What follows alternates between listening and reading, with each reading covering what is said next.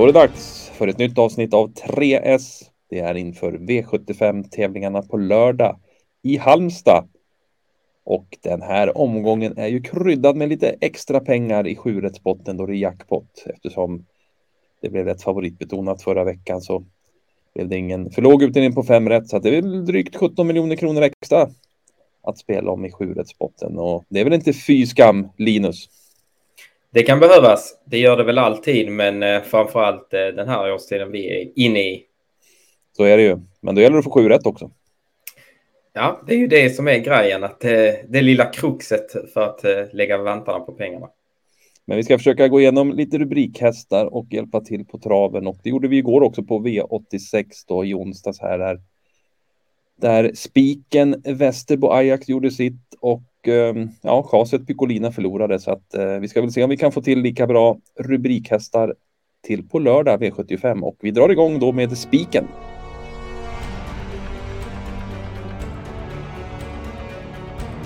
Då så, då har vi spiken och eh, ja, vilken spik har vi plockat ut den här veckan? Det finns väl eh, några två storfavoriter i alla fall som har bra segerchans, men eh, vi föredrar en av dem och eh, väntar och tar det bästa till sist och går på fyra Unique Creation. Den här hästen tränas av Johan Untersteiner, gjort tre starter hos eh, Team Untersteiner. Blev galopp direkt i eh, debuten. Då var det dock voltstart gick en stark upphängning efter det. Sen har det blivit två raka segrar. Framförallt näst senast imponerade hästen väldeliga kan se bilderna här när han från dödens eh, vann på ett mycket övertygande sätt. Ser ut att finnas gott om krafter kvar. 10-7 sista 800 klockar jag honom till och eh, ja, det var ett intryck eh, som heter duga.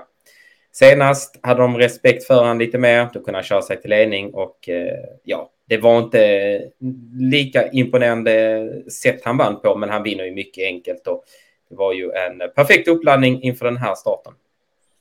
Mm, jag hörde intervjun direkt efter loppet med Johan Untersteiner där senast och då sa han redan då att han siktade på silverlopp här i Halmstad och det är på hemmaplan också så att han har väl ha laddat extra med att hästen ska vara på topp den här eh, till den här starten. Då.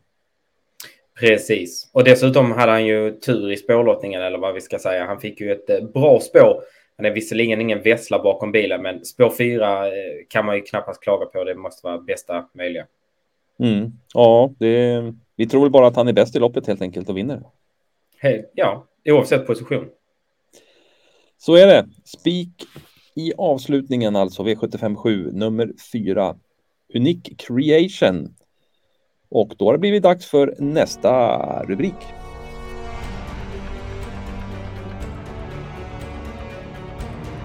Spiken avklarad. Men då ska vi ha skräll också för att höja upp utdelningen och vad landar vi i för avdelning den här veckan?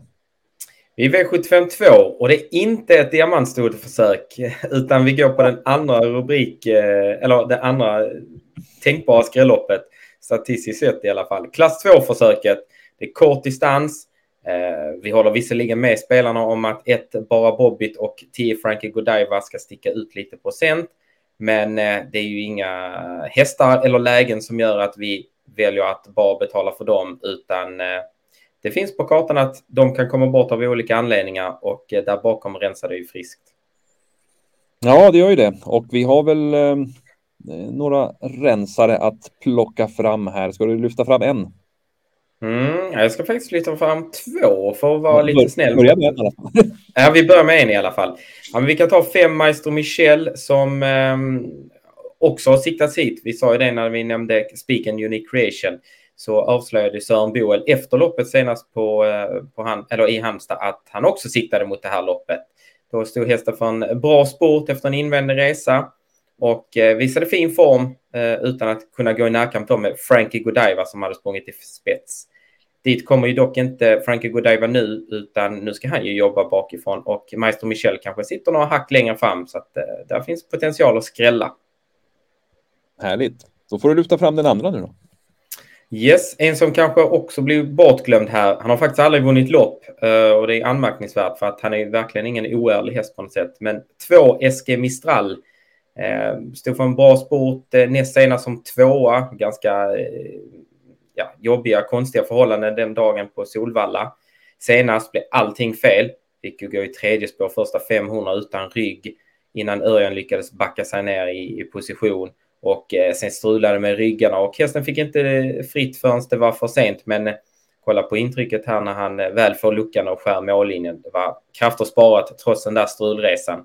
Kommer mål på en ganska bra tid då. Sitter perfekt till nu i, i andra spår. Kommer inte hamna som etta i tredje spår. Det kan jag nog garantera. Um, skulle det då bli lite tempo på loppet inledningsvis, vi har flera startsnabba, då kommer den här sportstarka herren att fälla många till slut. Låg procent på honom nu. Det tackar vi för. Mm, och det skulle säkert smaka härligt där att eh, hästen tar sin första seger då i karriären i sin femtonde start och i ett V75-lopp. Ja, vi skulle inte bli förvånade om man gör det och skräller till här två SG Mistral. Ja, en rubrik har vi kvar att gå igenom och det är inte vilken som helst. Det är ju chaset.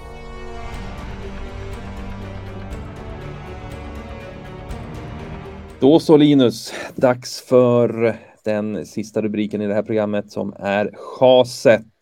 Och jag vet ju att du gillar den här kategorin extra mycket. Kittlar alltid lite extra, speciellt när man går på en som är ganska klar favorit. Då är man i, kanske ibland ute på, på tunn is, men eh, det är spännande. Mm, och ja, vi får hoppas att, inte, att vi inte är ute på tunn is nu när vi har en betrodd häst här. Det är alltså i V75 4, nummer 12, Wish Me Magic, som eh, vi tycker har blivit för hårt betrodd eh, i den här V75-omgången. Förklara varför. Ja. Ja, märkligt nog här. Ehm, hästen kommer visserligen från en fin insats eh, där på Kalmar, eller i Kalmar Sportade väldigt vasst då eh, och lyckades vinna trots tillägg över kort distans. Men ja, det kanske såg lite bättre ut än vad det var. Hästen som springer i ledningen, Dig for Embers, är kanske inte den modigaste sista biten. Um, ja. Wish Me Magic, gjort det bra, men han är nog allra bäst med, eh, eller utan skorna på. Spår 7 på tillägg. Ja, träffar man bra och har lite flyt så kan man hamna bra till. Men skulle man ha lite fel när man kommer rätt eller när man ska komma iväg i starten, ja, då kan det bli rätt dryg väg. I sämsta fall kanske backa sig sist. Så att vi är inte helt övertygade om att han kommer sitta jättebra till. Vi eh, har dessutom respekt för några av motståndarna som har en bättre uppgift än honom. Så att, eh, ja, Wish Me Magic. Han, han, han kan vinna, men han ska inte vara så här klar favorit. Så kan vi säga. Nej, vi har ju inte ens tippat han etta i tidningen. Nej, precis, utan vi förordar istället tre Amazing Hazel som eh, stod för en eh, riktigt bra insats i lite i skymundan bakom eh, storfavoriten då i V751, Con Crow. Hade drygt 11, 11,5 sista 800 bakom denne och eh, ja, men riktigt bra intryck.